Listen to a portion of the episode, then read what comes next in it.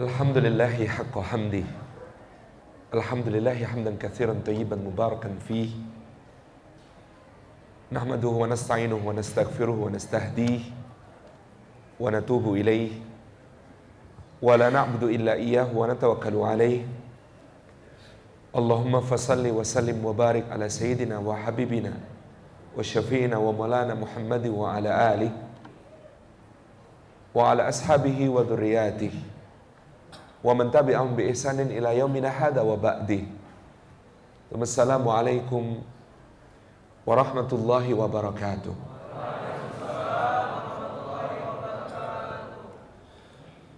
Puji syukur kehadirat Allah Subhanahu wa taala atas limpahan karunia-Nya pada petang yang indah ini. Allah menghimpun kita semua di dalam lapis-lapis keberkahan. Berkah di dalam tempatnya karena ini adalah rumah Allah. Semoga setiap langkah yang kita tempuh menuju tempat ini tiap tapaknya menggugurkan dosa-dosa kita dan meninggikan derajat kita di sisi Allah Subhanahu wa taala. Berkah di dalam kegiatannya karena ini adalah menunaikan salat berjamaah. Dilipatkan oleh Allah Subhanahu wa taala dalam bilangan 27 berkah di dalam duduknya karena ini adalah majelis ilmu. Maka semoga setiap langkah yang kita tempuh menuju ke tempat ini juga menjadi pemudah jalan kita semua menuju ke surga. Seperti sabda Nabi sallallahu alaihi wasallam, "Man salaka tariqan yaltamisu fihi ilman, sahalallahu lahu bihi tariqan ilal jannah." Kata Imam An-Nawawi rahimahullah taala, belum dihitung ilmu yang disampaikan, ilmu yang diterima, ilmu yang difahami, ilmu yang diamalkan. Sebelum itu pun setiap langkah yang kita tempuh menuju ke suatu majelis ilmu menjadi pemudah jalan menuju surga. Sesuatu yang kita tidak jumpai kalau hanya menonton videonya. Sesuatu yang tidak kita jumpai kalau barangkali hanya mendengarkan suaranya di perangkat-perangkat elektronik yang kita punya. Karena melangkah menuju majelis itu punya nilai tersendiri. Karena duduk di dalam majelis inilah yang mengeratkan ukhuwah. Karena para ulama kita dahulu menjadikan duduk di dalam majelis ilmu sebagai pengasah adab dan akhlak yang tidak tergantikan oleh halaman-halaman buku. Duduk. Di dalam majelis menularkan berbagai macam akhlak mulia bukan hanya dari yang mengajar muallimnya kepada muta'allimnya kepada yang belajar tidak.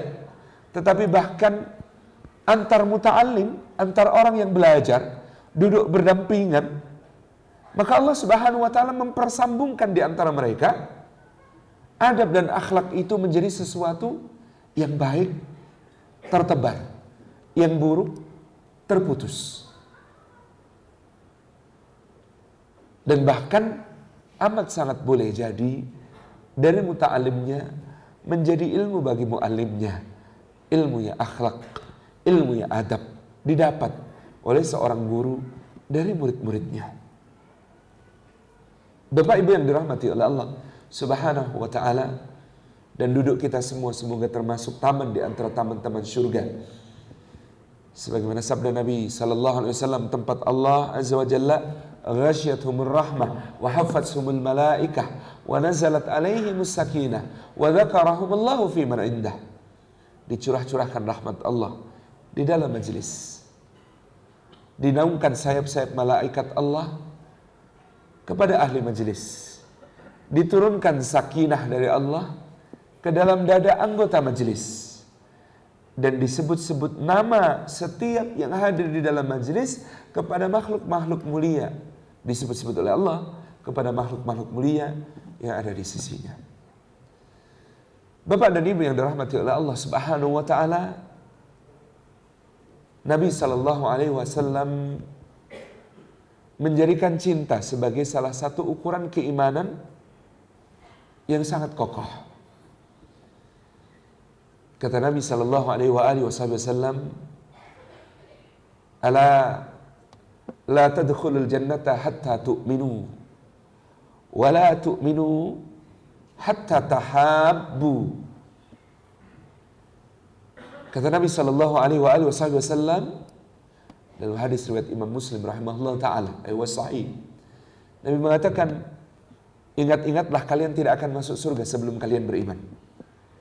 Dan tidak akan kalian beriman sampai kalian saling mencinta. Ala ukhbirukum ala antahabbu. Maukah kalian aku beritahu supaya saling mencinta? Kata Nabi sallallahu alaihi wa alihi wasallam, "Afsus salamu bainakum." Tebarkanlah salam di antara kalian. Dalam riwayat lain Nabi sallallahu alaihi wasallam mengatakan, "La yu'minu ahadukum hatta yuhibba li akhihi ma yuhibbu li nafsihi."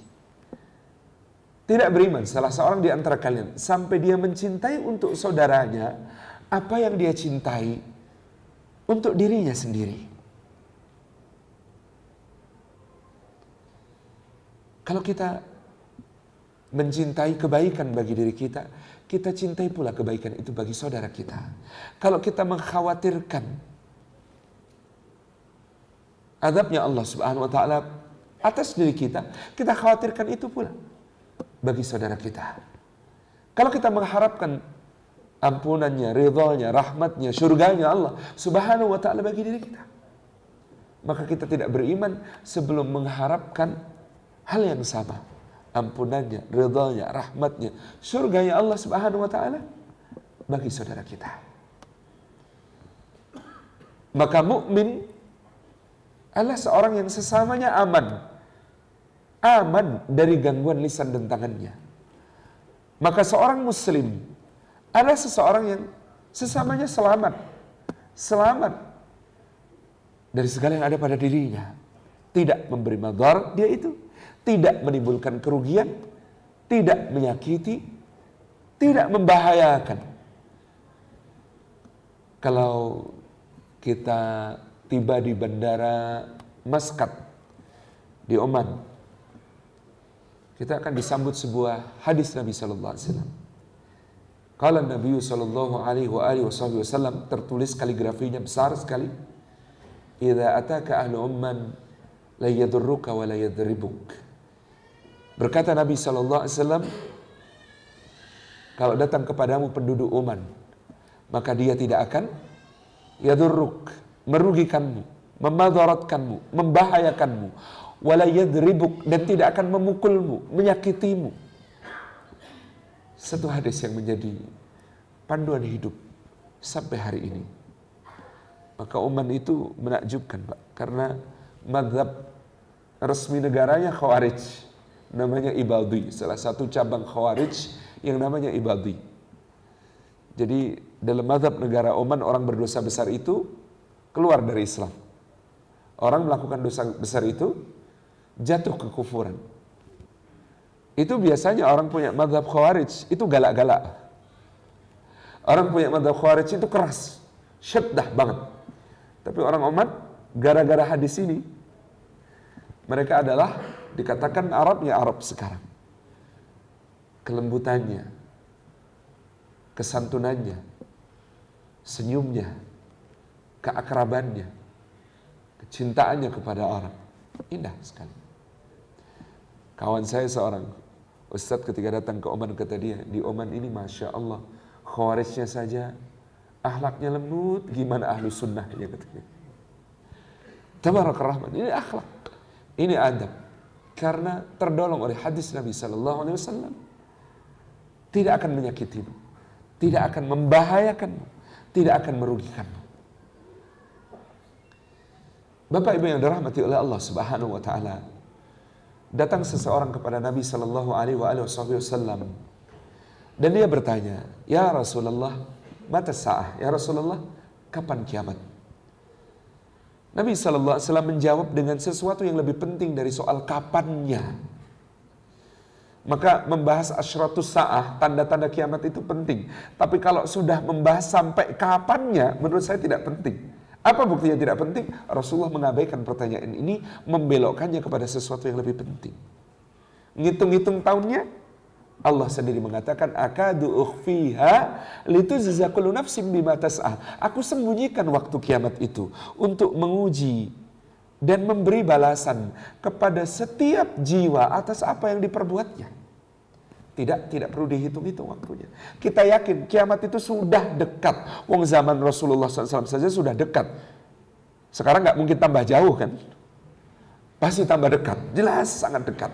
Tanda-tandanya yang suhra banyak yang sudah tampak. Tapi tidak perlu kita menghitung kapan tibanya secara detail menurut waktu. Karena Rasulullah membelokkan pertanyaan itu pada sesuatu yang lebih penting. Yaitu apa yang sudah kau siapkan untuk menghadapinya apa yang sudah kau siapkan untuk menghadapinya. Dan ternyata orang ini menjawab dengan jawaban yang sangat indah bahwa dia tidak memiliki sesuatu persiapan menghadapi kiamat kecuali cinta.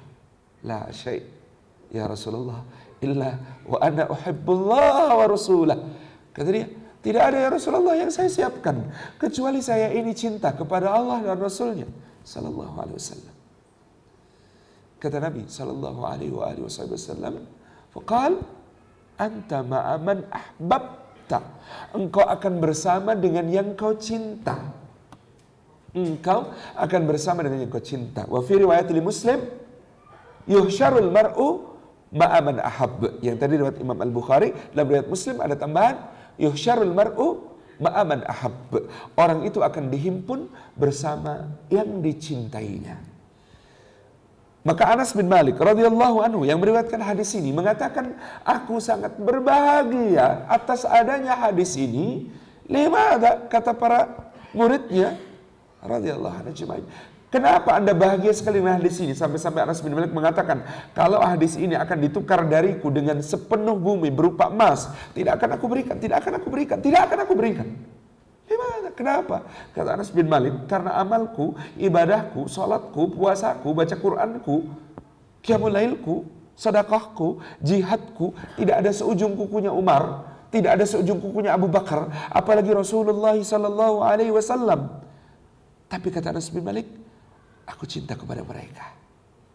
Dengan cinta itu, aku masih punya harapan kelak akan dihimpunkan oleh Allah Subhanahu wa taala di dalam surga yang sama dengan mereka. Maka kata al-Imam Hasan al-Basri rahimahullah ta'ala, Istaksiru min asdiqa'is salihin, fa inna lahum syafa'atun yawmal qiyamah. Perbanyak oleh kalian kawan-kawan yang saleh karena mereka kawan yang saleh itu pada hari kiamat punya syafaat. Ketika orang-orang yang biasa berkumpul di dunia di dalam ketaatan telah berkumpul di dalam surga, lalu ada di antara mereka yang belum bergabung, mereka akan bertanya, "Aina fulan?" Siapa? Di mana? Di mana fulan? Di mana Salim? Yang biasanya ngumpul sama kita bareng kita, kok belum ada di sini? Iya di mana Salim? Kita tanyakan kepada Rabb kita Azza wa Jalla. Ya Allah di mana Salim? Salim biasanya kumpul bersama kami, pengajian bersama kami, sholat jamaah bersama kami, duduk di majelis bersama kami. Baca Quran bersama kami. Di mana Salim ya Allah? Kalau dia terhalang karena dosa-dosanya jauh lebih banyak daripada kawan-kawannya. Maka kawan-kawan ini mengatakan, Ya Rabbi kami tidak rela memasuki surgamu, tidak rela memasuki surgamu sebelum orang ini digabungkan bersama kami. Maka Bapak Ibu yang dirahmati Allah, tolong ingat nama saya, Salim. Ini wasiat penting ini. Kalau saya mengingat nama Bapak Ibu sekalian, aduh, banyak kali jadi tak ingat aku. Maka dari itu, Bapak Ibu saja yang ingat-ingat nama saya. Lebih mudah begitu, kalau Bapak Ibu sudah masuk surga, kok di surga nggak ketemu Salim Afillah, tolong bilang sama Allah, ya Rabbi, mana Salim Afillah? Saya tidak rela masuk surgamu kalau nggak bareng Salim Afillah. Tabarakallah. Ini keindahannya. Sebelum bincang tentang ukhuwah ini akan lebih saya seriuskan esok insya Allah di Masjid Al-Jihad. Mari kita mengambil contoh saja dari dua orang yang begitu indah ukhuwahnya. Yang satu bertemu dengan yang lain pada sebuah perjumpaan yang menakjubkan. Ketika itu ada tiga orang ahli hadis dari Irak. Satu Yahya bin Ma'in. Satu lagi Ahmad bin Hanbal. Yang satu lagi Ishaq bin Rahawai. rahimahullah taala. Berangkat mereka menunaikan ibadah haji. Begitu selesai manasik haji, mereka masih punya kesempatan untuk berguru, mencatat hadis, menyimak riwayat dari para ulama di Masjidil Haram. Ketika itu mereka berniat berguru kepada Imam Sufyan bin Uyainah rahimahullah taala. Seorang yang ba'da wafatnya Imam Malik dianggap memiliki sanat a'la, sanat tertinggi di dalam hadis. Musnid di Haramain pada saat itu. Ketika mereka mendatangi majlisnya Imam Sufyan bin Uyainah, tiba-tiba Imam Ahmad bin Hambal ini memisahkan diri dari kedua sahabatnya. Dia datang ke sebuah majelis yang berbeda. Ishak dan Yahya kemudian mencari-cari Ahmad bin Hambal ini ketemu di sebuah majelis yang hadir di majelis ini berlipat-lipat kali lebih banyak daripada majelisnya Sufyan bin Uyainah. Tetapi anehnya mu'alim di majelis itu gurunya seumur dengan mereka. Masih sangat muda. Jenggotnya tidak lebih dari segenggam. Berkilauan oleh minyak wangi. Wajahnya bercahaya. Memakai surban berwarna merah yang cerah, memakai gamis dengan rapi, anggun. Dia berbicara, di hadapannya duduk, ada orang-orang kaya, ada orang-orang miskin.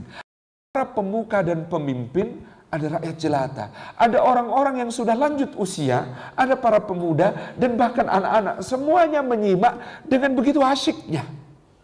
Majelis ini Berbeda dengan majelis para syekh yang lain di Masjidil Haram. Majelis yang lain isinya Hattasana fulan qal hattasana fulan an fulan annahu yaqul qala fulan. Isinya periwayatan hadis dengan sanad yang panjang sekali.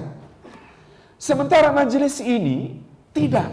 Majelis ini qala Allah taala fi kitabihil karim disebutkan ayatnya hadal lafad al-umum urida bihil khusus yakni kada wa kada wa hadal lafad al-khusus urida bihil umum kama fil hadis kala Nabi sallallahu alaihi wasallam fal qawaidu fi hadal mas'alah fi hadhihi mas'alah hada wa hada hada ya rasa kok berbeda Ahmad bin Hambal duduk di situ. Yahya dan juga Ishak kemudian menegurnya. Kau tinggalkan majelisnya Sufyan bin Uyainah untuk orang yang umurnya sama dengan kita. Celaka kau hai Ahmad. Kata Imam Ahmad bin Hambal, uskut. Kata Ahmad bin Hambal, lau fataka sanadul alih kalau engkau kehilangan sanat yang tinggi, engkau masih bisa mendapatkan sanat yang lebih panjang sedikit. Jadi kalau hadis nggak dapat dari gurunya, gurunya wafat, muridnya masih ada yang nyatet. Kita bisa minta kepada muridnya.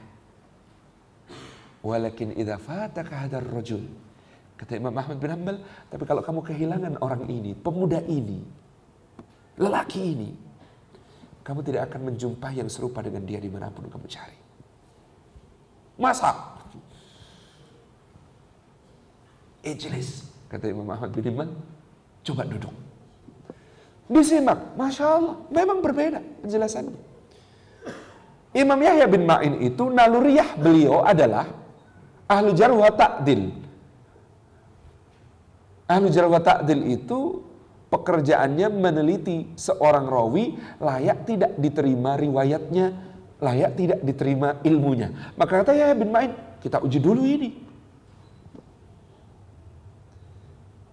Kata Ahmad, gak sopan. Duduk dulu dengerin. Enggak harus diuji dulu. Mau kau apakan dia? Apa yang mau kau lakukan? Kita tanya hadis itu. Hadis apa? Sabda Nabi Wasallam, biarkan burung dalam sarangnya. Apa yang melakukan dengan hadis itu kata Ahmad bin Hanbal? Bukankah maknanya adalah biarkan burung dalam sarangnya, yakni pada malam hari. Kata Imam Ahmad bin Hanbal, itu takwilku. Faham tuh, memang begitu. Kata Yahya bin Ma'in. Kata Ishak bin Rahawai, aku yang paling tua di antara kalian. Biar aku yang tanya. Berdiri dia.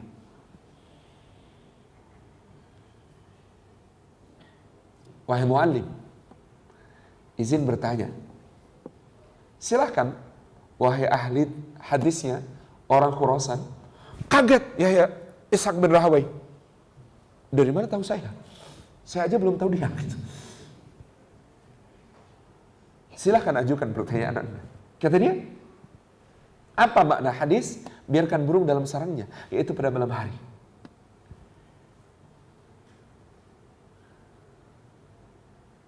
Kata mu'alim ini, bukankah sahabat Anda Ahmad bin Hambal di Irak mengatakan bahwa biarkan burung dalam sarangnya, yakni pada malam hari?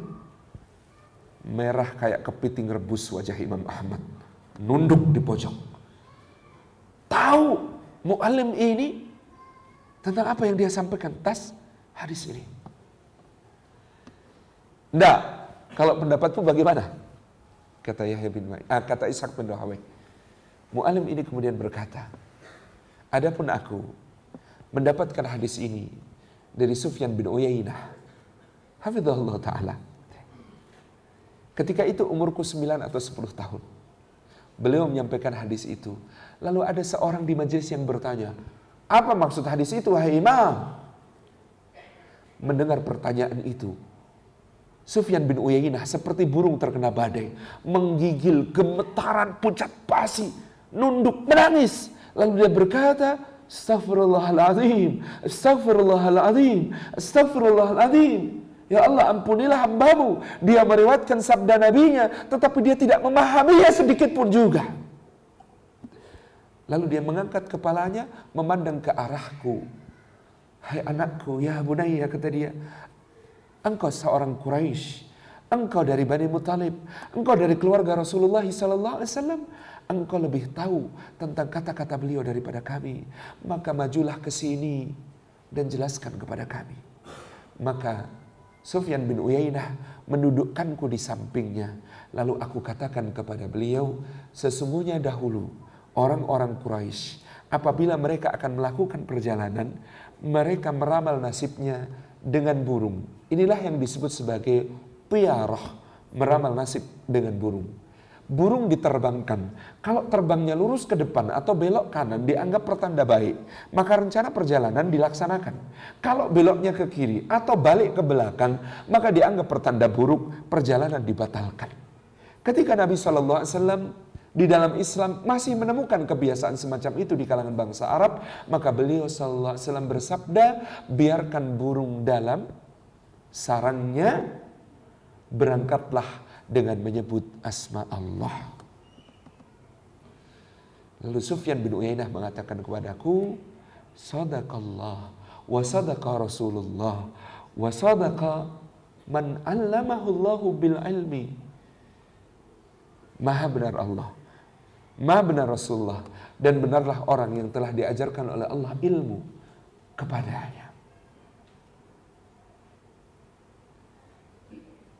Begitu dengar jawaban itu, Yahya bin Ma'in berdecak-decak. Ishak bin Rabhawah mengatakan, Subhanallah, Subhanallah, Subhanallah. Kalau kami jalan kaki dari Irak sampai ke sini, cuma dapat satu ilmu ini saja, tidak rugi, tidak rugi, tidak rugi. Ahmad bin Hambal menunduk sambil membaca ayat Allah Subhanahu wa taala surah Yusuf ayat ke-76 wa fawqa kulli dhi ilmin alim. Di atas orang yang berilmu masih ada yang lebih berilmu. Muallim itu alimu Quraisy namanya Muhammad bin Idris. Kakeknya bernama Syafi maka dia digelari Muhammad bin Idris Asy-Syafi'i perkenalan hari itu membekas dalam pada diri Imam Ahmad bin Hanbal rahimahullah taala. Betapa kemudian ini menjadi ukhuwah yang tiada bandingannya pada masa mereka. Pada suatu hari, Imam Ash-Syafi'i datang dari Makkah ke Baghdad dalam sebuah kunjungan. Di pintu gerbang Baghdad, Imam Ahmad bin Hambal menanti. Ketika bagal Imam Syafi'i memasuki kota, tali kekang bagal itu segera direbut oleh Imam Ahmad di Hambal. Kemudian dia menghelanya sambil berjalan kaki. Sementara Imam Ash-Syafi'i duduk di atas tunggangannya. Berita ini sampai kepada Yahya bin Ma'in. Yahya bin Ma'in mengatakan kepada putra Imam Ahmad yang sedang belajar kepadamu kepadanya. Tegur ayahmu itu. Tidak pantas dia merendahkan ilmu hadis dengan cara seperti ini. Masa Asyafi'i berada di atas bagalnya, dia jalan kaki di samping bagalnya. Tidak patut. Ketika komplain itu disampaikan kepada Imam Ahmad bin Hambal, sang imam berkata, Katakan kepada Yahya bin Ma'in, kalau dia menghendaki kemuliaan seperti yang aku dapatkan, marilah ke sini, aku tuntun di sebelah kiri, dia di sebelah kanannya lagi. Datang Ali Imam Syafi'i ke rumah beliau, ke rumah Imam Ahmad bin Hanbal rahimahullah ta'ala. Malam itu mereka duduk. Kemudian disajikan makan malam. Makanannya banyak, tetapi ketika keluarga Imam Ahmad bin Hambal selesai makan, seluruh sisa makanan yang ada di meja dihimpun oleh Imam Syafi'i, dituang ke dalam wadah makannya, ke dalam piringnya. Lalu dia makan semuanya, sebanyak-banyaknya, bersih, tanpa sisa. Rotinya dihabiskan, lauknya dihabiskan, minyak-minyaknya dihabiskan, garamnya dihabiskan. Anak Imam Ahmad bin Hambal melotot melihatnya. Begitu selesai, mereka pergi ke pembaringan, tidur. Di tengah malam Imam Ahmad membangunkan keluarganya untuk qiyamul lail. Sementara sang tamu tetap di pembaringan. Ketika adzan subuh, mereka berangkat ke masjid. Dan anehnya, sang tamu sholat subuh di masjid tanpa wudhu. Putra Imam Ahmad bertanya kepada ayahnya, tamu kita aneh betul. Aneh betul bagaimana? Isi malam dia makan banyak sekali. Sehabis itu langsung tidur. Tidak pula itu tahajud. Bangun-bangun sholat subuh. Sholat subuh tanpa wudhu. Macam mana itu? Kata sang ayah. Nah, coba kau tanyakan padanya. Dia akan punya jawabannya. Lalu anak ini mendekati Imam Syafi'i rahimahullah ta'ala. Paman, tolong jelaskan padaku. Satu, paman makannya banyak sekali. Oh, itu nak. Karena aku yakin sesungguhnya rumah Ahmad bin Hambal adalah salah satu rumah di muka bumi yang rizkinya paling suci dan paling berkah. Maka tidak akan aku sia-siakan sedikit pun sebab aku berharap di situlah berkah diberikan oleh Allah kepada aku. Aku makan semuanya tanpa sisa karena aku berharap berkah itu mengalir kepada diriku. Terus paman tidur. Tidak nak, aku hanya berbaring Semalaman aku memikirkan satu hadis pendek yang disampaikan ayahmu kepada aku. Ketika Nabi SAW bersabda kepada putra Abu Talha, Ya Aba Umar, ma fa'alan nughair. Wahai Aba Umar, apa yang dilakukan burung kecil peliharaanmu itu? Si nughair. Lalu apa yang dilakukan paman dengan hadis itu? Kata Imam Ash-Syafi'i, dari hadis itu aku telah merumuskan seratus kesimpulan hukum. Ya Aba Umar, ma fa'alan nugher. Hei Aba Umar, apa yang dilakukan oleh burung kecil itu? Apa kesimpulan hukum? Boleh memelihara burung peliharaan. Apa kesimpulan hukumnya? Ketika memelihara burung peliharaan atau peliharaan apa pun, wajib memperlakukan dengan baik. Apa kesimpulan hukum yang lain? Kalau burungnya mati, dikuburkan dengan baik. Apa kesimpulan hukum yang lain? Boleh bicara dengan anak-anak dalam alam imajinasinya. Karena hadis itu disampaikan Rasulullah ketika burungnya sudah mati. Sedangkan Rasulullah bertanya, apa yang dilakukan si Nughair? Jadi berimajinasi bersama anak-anak, boleh. Apalagi kesimpulan hukumnya? Boleh memberi kunyah kepada anak-anak. Anak itu belum punya anak. Oh anak kok punya anak. Masih bocah, tetapi dipanggil Rasulullah sebagai Aba Umar. Bapaknya Umar. Padahal belum punya anak. Ya Aba Umar. Dan panjang sekali kesimpulan hadis yang yang pendek ini. Iya, luar biasa paman. Terus bagaimana paman? Kok paman sholat subuhnya tidak wudhu? Nah, menghemat air termasuk sunnah Rasulullah SAW. Aku berwudhu untuk sholat isya dan sampai subuh wudhuku belum batal.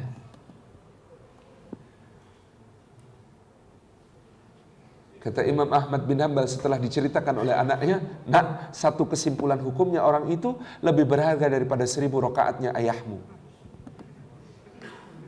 Satu kesimpulan hukumnya pamanmu itu lebih berharga daripada seribu rokaat ayahmu. Seribu rokaatnya Imam Ahmad itu nggak lama pak. Karena kata murid-muridnya Imam Ahmad itu kalau dihitung-hitung sehari sholat 300 rokaat. Seribu rokaat itu cuma tiga hari lebih sedikit. Saking banyaknya sholat beliau. Rahimahullah ta'ala. Nah Bapak Ibu yang dirahmati Allah subhanahu wa ta'ala. Kisah berlanjut. Ketika Imam Ahmad dan Imam Ash-Syafi'i mengajar ini yang menakjubkan ya. Majelis-majelis di Jami Al-Mansur itu rata-rata dihadiri oleh Paling banyak majelisnya Imam Ahmad bin Hanbal 5 ribu orang. Tapi kalau Imam Syafi'i yang mengajar, yang hadir 50 ribu sampai 100 ribu orang. Kalau Imam Syafi'i datang ke Baghdad, di Jami Al-Mansur itu ada 23 majelis, bubar tinggal tersisa tiga.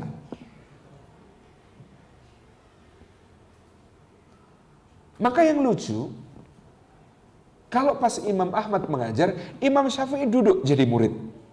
Kalau pas Imam Syafi'i mengajar, Imam Ahmad duduk menjadi murid. Maka sebagian muridnya Imam Syafi'i yang tidak menjadi muridnya Imam Ahmad komplain.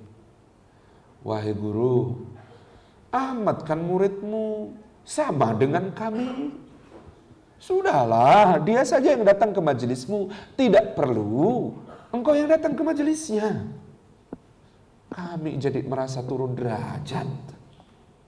Karena cuma murid dari muridnya Ahmad. Padahal kami dan Ahmad sama-sama muridmu. Kata Imam Syafi'i sambil tersenyum. Semua kemuliaan itu milik Ahmad bin Hambal. Kalau dia datang ke majelisku, itu karena kemurahan hatinya. Kalau aku datang ke majelisnya, itu karena kemuliaannya.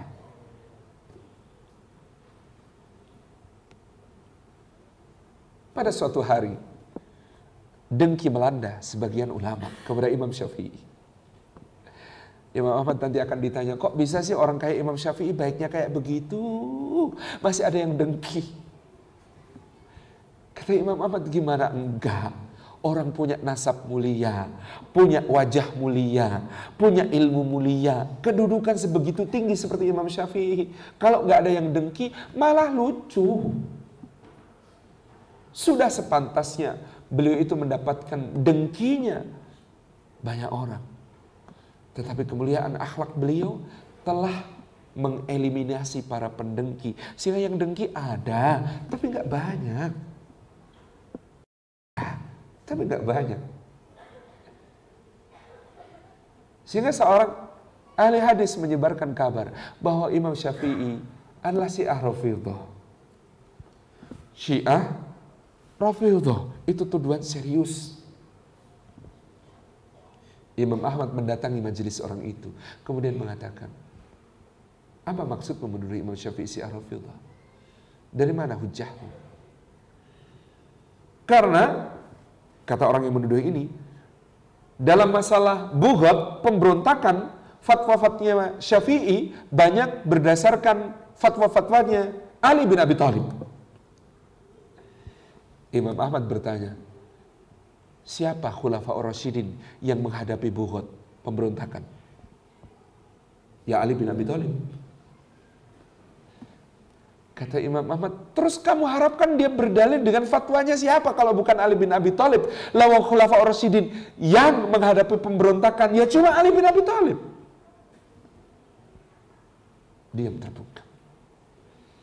Imam Syafi'i diberitahu tentang fitnah yang kemudian merebak luas itu.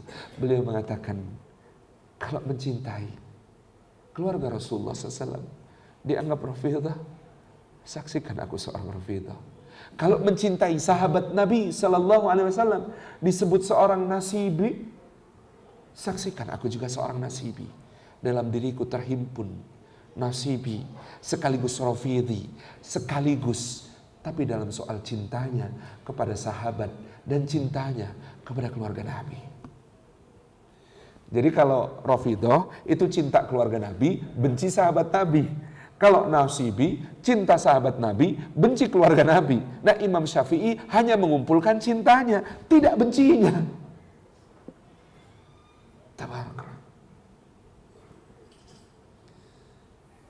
Beliau ditanya, kok ya ada ya orang tega ngomong begitu? Kata Imam Syafi'i, orang yang bisa mengira, mengira dia bisa, selamat dari omongan sesama, akalnya geser. Kenapa? Lalu Allah yang maha suci saja dibilang salisu salasah. Yang ketiga daripada tiga. Lalu Muhammad sallallahu alaihi wasallam yang dipuji Allah wa inna kala ala khuluqin adim saja dibilang sahirum majnun, tukang sihir gila. Lah apalagi kita. Kata beliau, biasa omongan orang, ridho nas ghayatun la tudrak. Ridhonya manusia, tujuan yang tidak akan pernah kita capai. Maka yang kita cari bukan ridhonya manusia. Bukan membuat senang semua manusia. Tetapi ridhonya Allah subhanahu wa ta'ala. Pada suatu hari, Imam Ahmad bin Hambal sakit. Ini, ini bentuk hubungan semacam ini. Ini hubungan yang paling luar biasa. Imam Syafi'i kemudian mengungkapkannya dalam sebuah syair. Marad al-habib fa'zuruhu. Orang yang terkasih sakit, maka aku menjenguknya. Maka jadilah aku sakit karena melihat penderitaannya. Jadi pulang jenguk sampai rumah sakit. Kenapa? Mikirin yang sakit.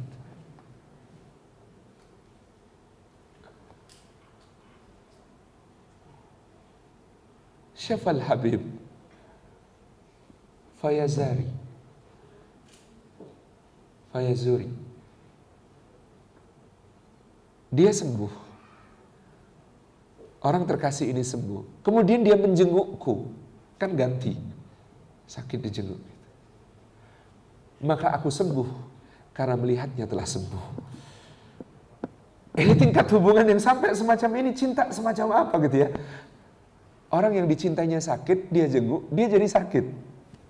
Ketika orang yang dicintainya sembuh, lalu menjenguknya, dia langsung sembuh. Rasa cinta yang sangat mendalam. Beliau mengatakan kepada Imam Ahmad bin Hanbal, kalau engkau memiliki hadis Irak, hadis Syam, maka sampaikan kepada aku, karena engkau banyak tahu tentang hadis daripada aku. Kenapa tidak hadis Hijaz, hadis Yaman, hadis Mesir. Karena kalau hadis Hijaz, hadis Yaman, hadis Mesir, Imam Syafi'i sudah tahu. Yang beliau belum banyak pengembaraannya adalah ke negeri Syam dan Irak saat itu. Yang itulah wilayah penjelajahannya Imam Ahmad bin Hanbal. Rahimahullah ta'ala. Kutinggalkan Baghdad menuju Mesir, kata Imam Syafi'i. Dan tidak ada di sana yang lebih alim, fakih, zahid daripada Ahmad bin Hanbal. Persaksian beliau. Ketika berpindah ke Mesir.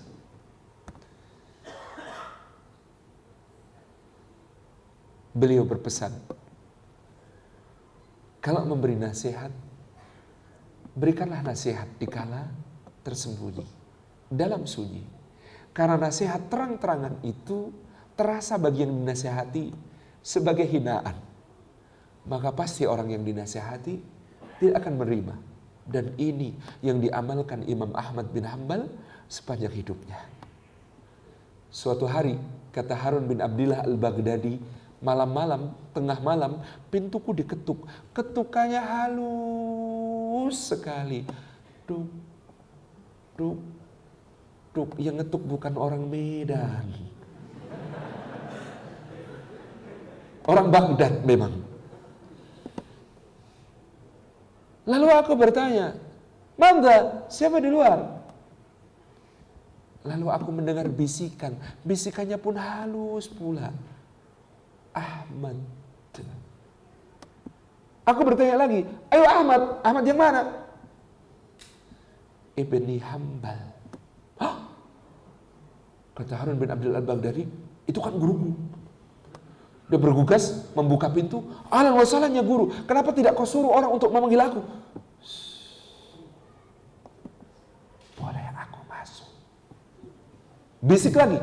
Boleh aku masuk. Boleh guru. Lalu masuk. Langkahnya jinjit berjingkat-jingkat. Seakan-akan jangan sampai ada orang yang dengar. Lalu duduk di kursi, duduknya pelan-pelan. Jangan sampai kursinya bunyi kemeriat.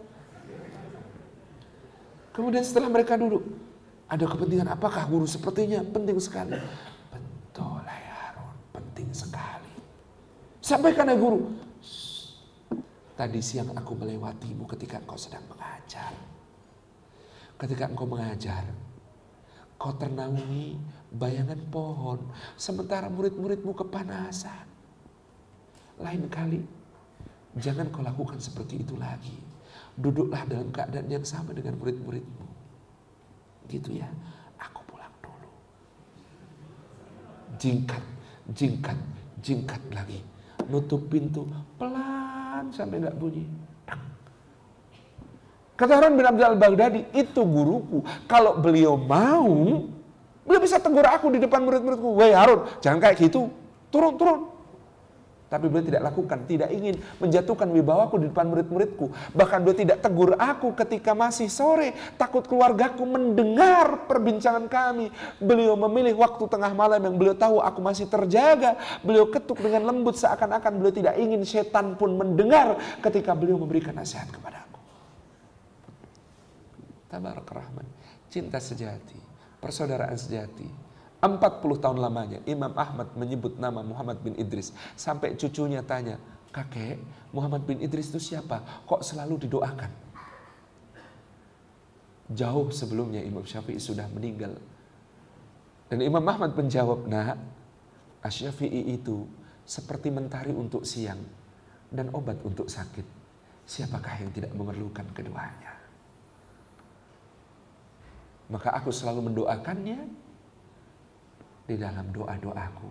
Tidak pernah aku meminta sesuatu pun kepada Allah untuk diriku, kecuali ku minta untuk Imam Syafi'i yang sama sepertinya. Demikian karena waktunya habis. Mudah-mudahan kita bisa lanjutkan besok di Masjid Al-Jihad. Ba'da? Oh dari jam 11. Insya Allah Jumpa di Masjid Al-Jihad dari jam 11 besok. Mudah-mudahan Allah karuniakan kepada kita ilmu yang bermanfaat. Allah manfa'na ma'alam tanah wa alimna yang fauna. Mohon maaf atas yang kurang berkenan. Assalamualaikum warahmatullahi wabarakatuh.